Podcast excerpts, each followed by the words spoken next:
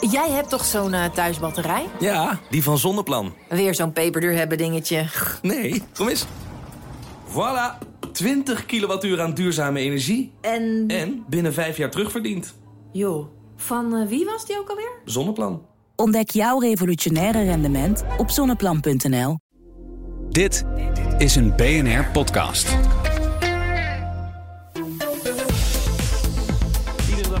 Wereld en die komt van onze Europa-verslaggever Geert-Jan Haan. Uh, welkom.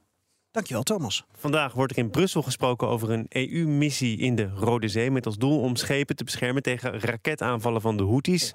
Ambassadeurs van alle EU-landen zitten met elkaar om de tafel voor de details. Volgende week geven de ministers van Buitenlandse Zaken dan een laatste klap. Ja, daar ga ik gelijk uh, jou op corrigeren, waarbij ik mezelf de schuld geef. Want deze tekst heb ik voor jou aangeleverd. Het is pas volgende maand dat er een klap op wordt gegeven. Weet je, wat een begin. Komen we zo op terug. Maar waar geven ze een klap op? Waar gaat het hier precies over?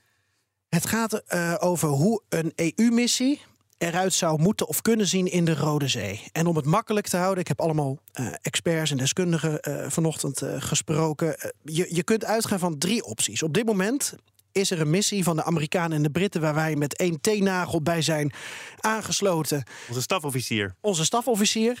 Uh, en verder um, sturen, uh, steunen wij die missie vooral politiek. Maar dat is Prosperity Guardian. En uh, die missie is, vanuit die missie is vorige week ook begonnen... met het afvuren van raketten op doelen... in het door de Houthis gecontroleerde gebied in Jemen. Oftewel, die missie heeft een mandaat gekregen om geweld toe te passen. Een EU-missie zal waarschijnlijk niet dat mandaat willen of daarvoor uh, opteren. En uh, dan kom je dus uit bij een nou, maritieme veiligheidsmissie. En die kan op twee manieren worden opgetuigd. Eén, dat is een nieuwe missie. Twee, dat is een uitbouw van een soort huidige missie, Agenor, van de Fransen. Dus dan komt het onder leiding van de Fransen uh, in de Rode Zee. En je moet je voorstellen, er zijn op dit moment heel veel missies al gaande in de wereld.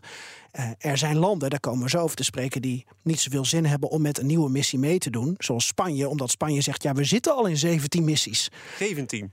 En um, dat zijn eigenlijk de drie opties die, die je hebt. Waarbij de EU-ambassadeurs misschien wel met een ander konijn uit een, uh, uit een uh, natte hoed komen. Maar dat gaan we nog even bezien. Ja, en kan het dan zomaar, hè, het, uh, het wemelt van de missies, als ik het zo dan maar moet samenvatten. Maar kunnen EU-landen zomaar zeggen dat ze daar een missie zoals deze, hè, de opties noemde je net, gaan doen? Ja, want dan ga je uit van een, een, een paar, ik, ik ga een beetje in jargon praten, maritiem-juridische concepten. En de eerste is vrijheid van navigatie. Een eeuwenoud onderdeel van het maritiem recht. En dat komt erop neer dat je mag varen waar je wil. En niemand, dus geen land, of in dit geval ook geen rebellenclub, wat we beter een terroristische organisatie kunnen noemen, de Houthis, mag jouw doorvaart belemmeren. Mag niemand doen. Dat betekent dat je mag varen door de straat van Hormuz, het Engelse kanaal, de Waddenzee, wat je wil, en door de Rode Zee. En dat is ook verankerd in de United Nations Convention on the Law of the Sea. En het tweede principe, ook uit het internationaal recht, is het recht op zelfverdediging. En de VS en de VK, die beroepen zich dus in hun missie, Prosperity Guardian, op het recht op zelfverdediging. Om de schepen te beschermen die door de Rode Zee varen. Maar ze beroepen zich ook op het zelfverdedigingsrecht om die Houthi-rebellen dus aan te vallen. Geeft aan dat het een breed begrip is. Ja, maar er zit wel een mate van proportionaliteit in. Dus je mag een stad in Jemen niet helemaal kapot bombarderen. Dus uh, Sunak, uh, premier van Groot-Brittannië, gaf gisteren ook aan voor het Britse parlement. We hebben alle doelen geraakt en er zijn geen burgerslachtoffers bij gevallen. Dat is althans wat wij dus te horen krijgen. Of het echt zo is, dat moet in Jemen gecontroleerd worden. Maar zelfverdediging is dus heel breed in dit geval. En tot slot, volgens de experts die wij hebben gesproken, heeft de inter internationaal erkende regering van Jemen, dus niet de Houthis, maar wat dus eigenlijk de regering uh, was of is, die wij herkennen, erkennen, die heeft toestemming gegeven voor de operaties van de VS en het VK. Dus dan zou het juridisch ook kloppen. Oké, okay, hebben we het discours een beetje verkend? Wat is nu de meest waarschijnlijke optie? Waar zou in Europa toch het meeste enthousiasme voor bestaan? Nou, je kan beargumenteren dat de EU zich aansluit bij de Fransen. Uh, bij Agenor, bij een uitbouw van die missie. En zich dan alleen focust op het verdedigen van schepen. Uh, dus uh, dan worden er allerlei luchtafweer wordt meegestuurd met die schepen. En ja, raketten en drones worden dan uit de lucht gehaald. En kapingen worden voorkomen. Dus dan kun je uitbouwen ook op anti-piraterij missies. Maar ze kunnen zich ook aansluiten bij Prosperity Guardian.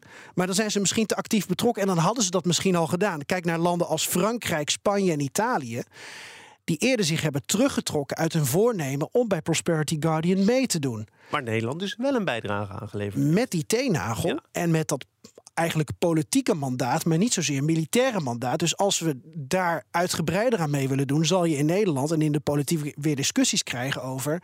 In welke mate is dit eh, nou echt nodig? En ik denk dus dat er meer over een verdedigingsmissie eh, wordt gesproken door de EU-ambassadeurs. En dat daar volgende maand op wordt eh, voortgeborduurd door de, door de ministers van Buitenlandse Zaken. Geert-Jan Haan was hier, onze Europa-verslaggever. Dankjewel.